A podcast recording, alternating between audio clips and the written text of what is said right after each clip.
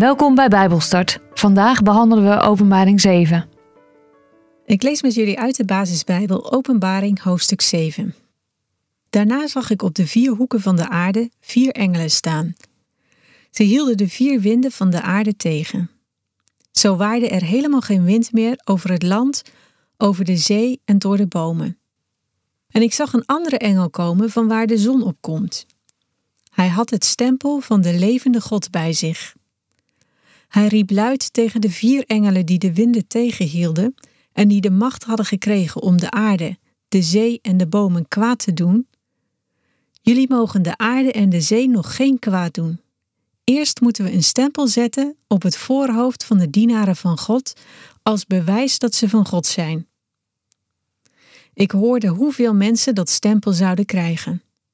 144.000 mensen uit alle stammen van het volk Israël kregen dat stempel op hun voorhoofd.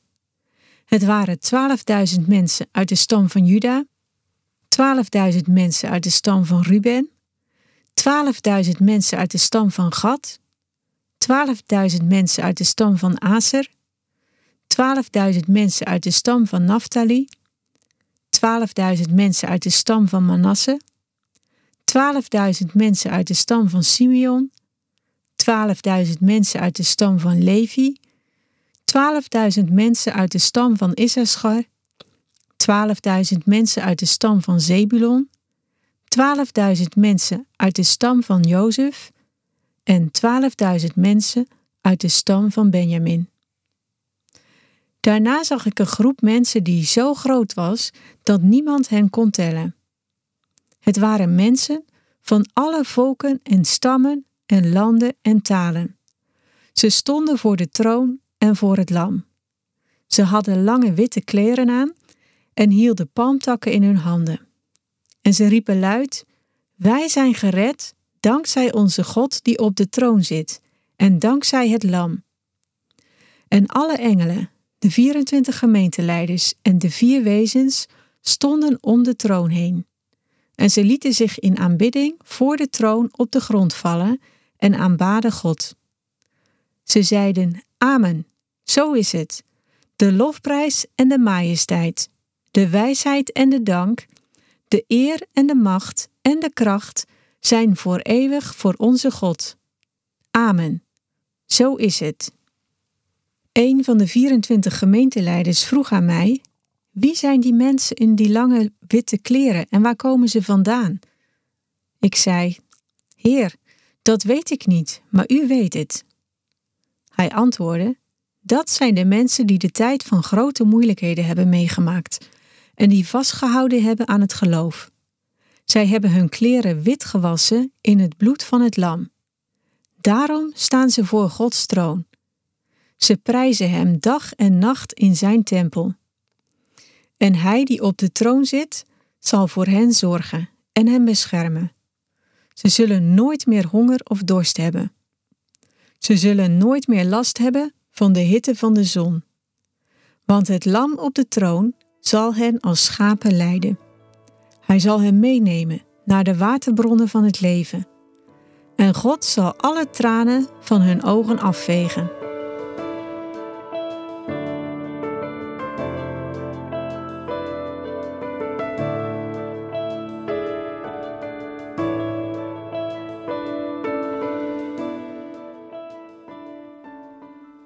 De afgelopen hoofdstukken zijn de eerste zes zegels geopend en nu begint in dit hoofdstuk een soort tussenzin. De zevende zegel wordt namelijk pas geopend aan het begin van hoofdstuk 8. Heel Openbaring 7 is die tussenzin eigenlijk. En daar lezen we wat de gelovigen meemaken in de tijd van de zesde zegel. Je hoort ook hoe zij in die vreselijke tijd door God gespaard worden. Het geeft op een prachtige manier aan dat God midden in zijn oordeel aan genade denkt en aan ontferming. Het hoofdstuk is als het ware een antwoord op de vraag die aan het eind van het vorige hoofdstuk is gesteld. Want de grote dag van de straf is gekomen en wie kan overleven? Het antwoord luidt: een grote menigte heiligen, zowel vanuit Israël als uit de volken. Die mensen, die zullen voor God en het Lam bestaan. Deze beide groepen gelovigen zullen door de grote verdrukking heen gaan en zij sterven niet als martelaars, maar gaan levend het vrederijk in. De eerste groep wordt verzegeld voordat ze de grote verdrukking ingaan. Juist op het moment dat alle hoop verloren lijkt, houden de vier engelen de vier winden van het oordeel vast tot Gods volk een zegel heeft ontvangen.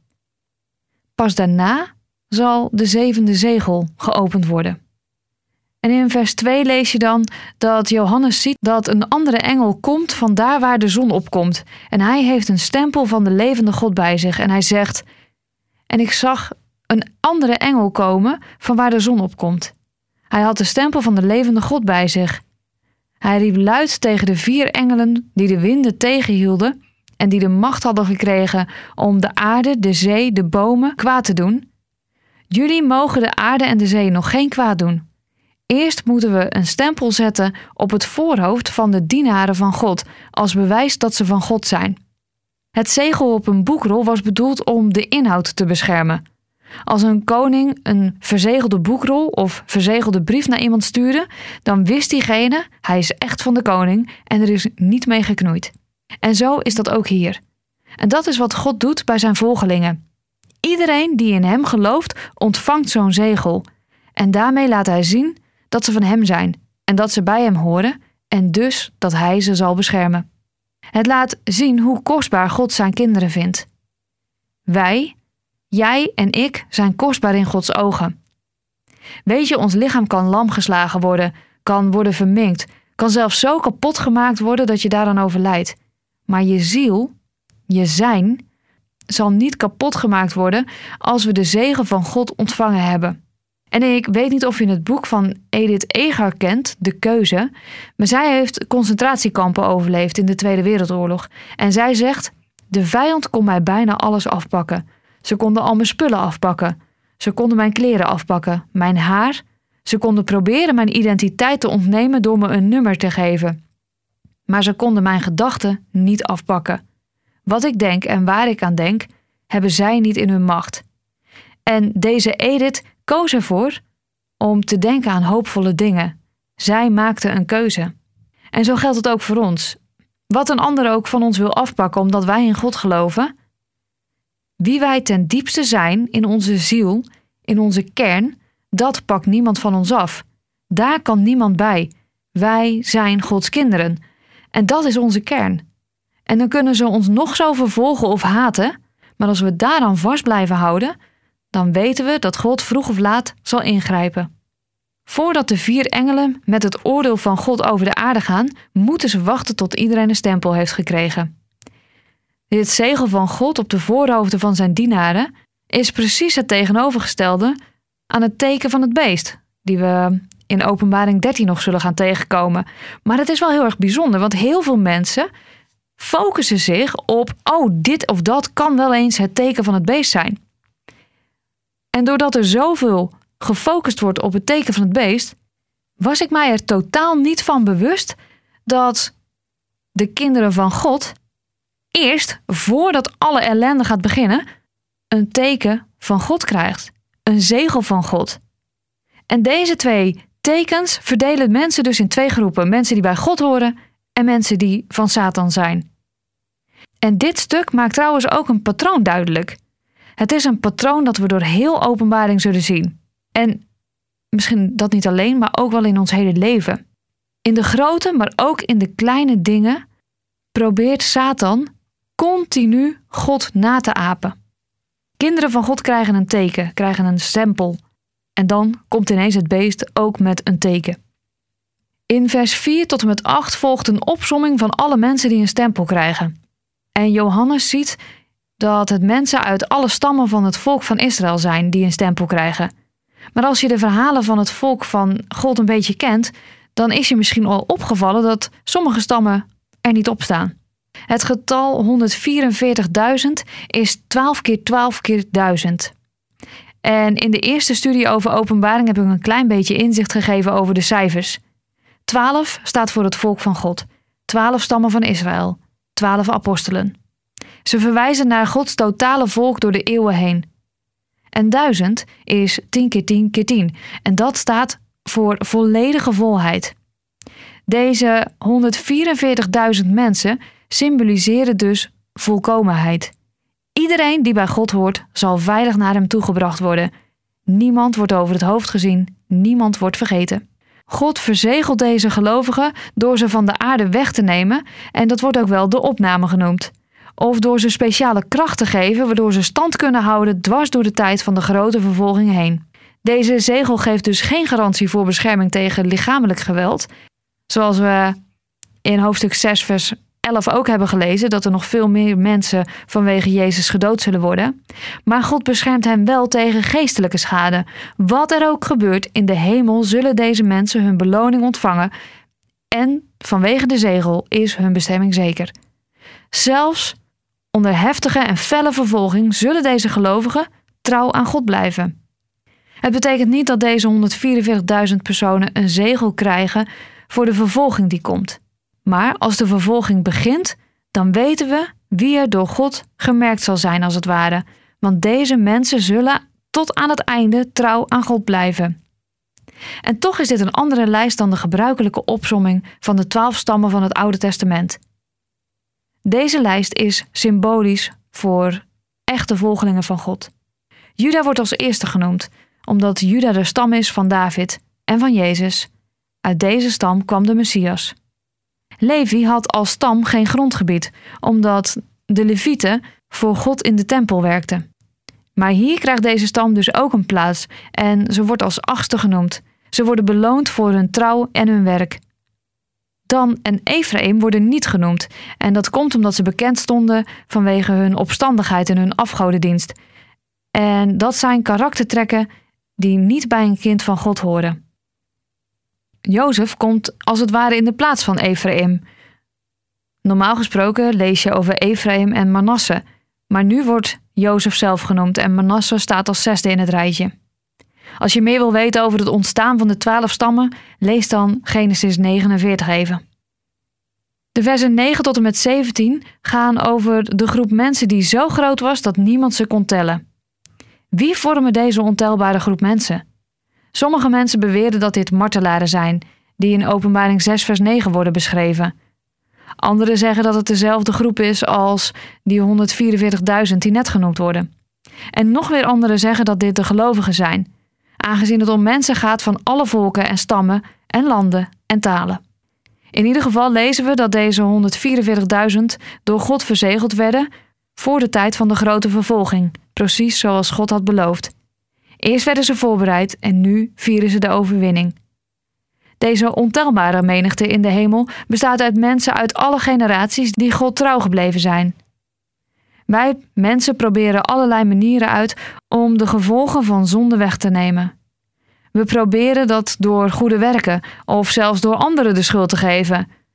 Maar de groep mensen in de hemel prijzen God en roepen luid: Wij zijn gered dankzij onze God die op de troon zit en dankzij het Lam.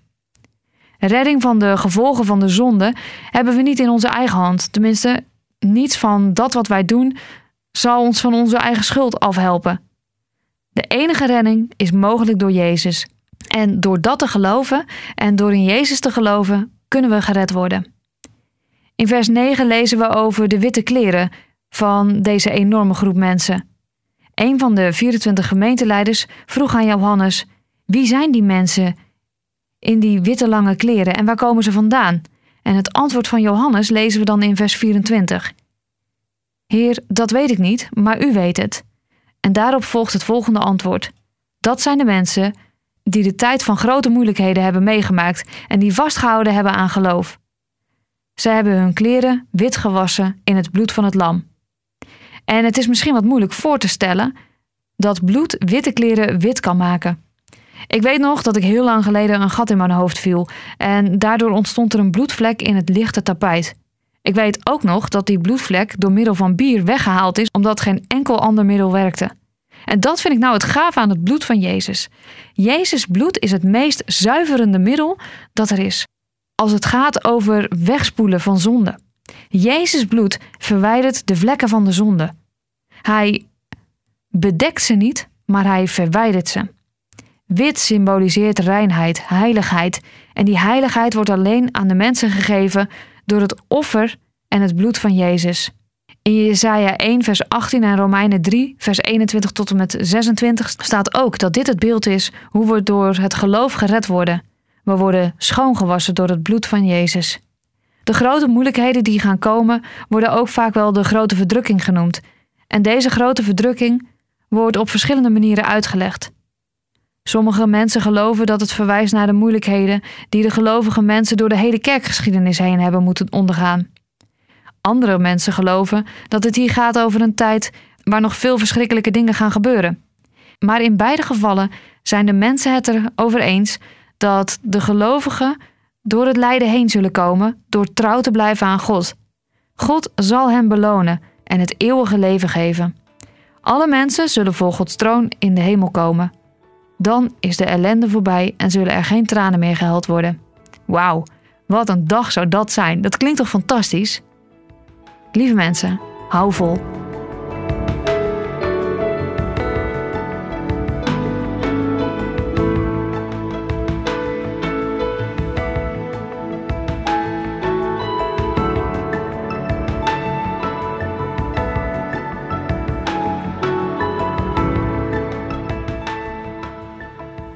Bijbelstart, een programma van TWR.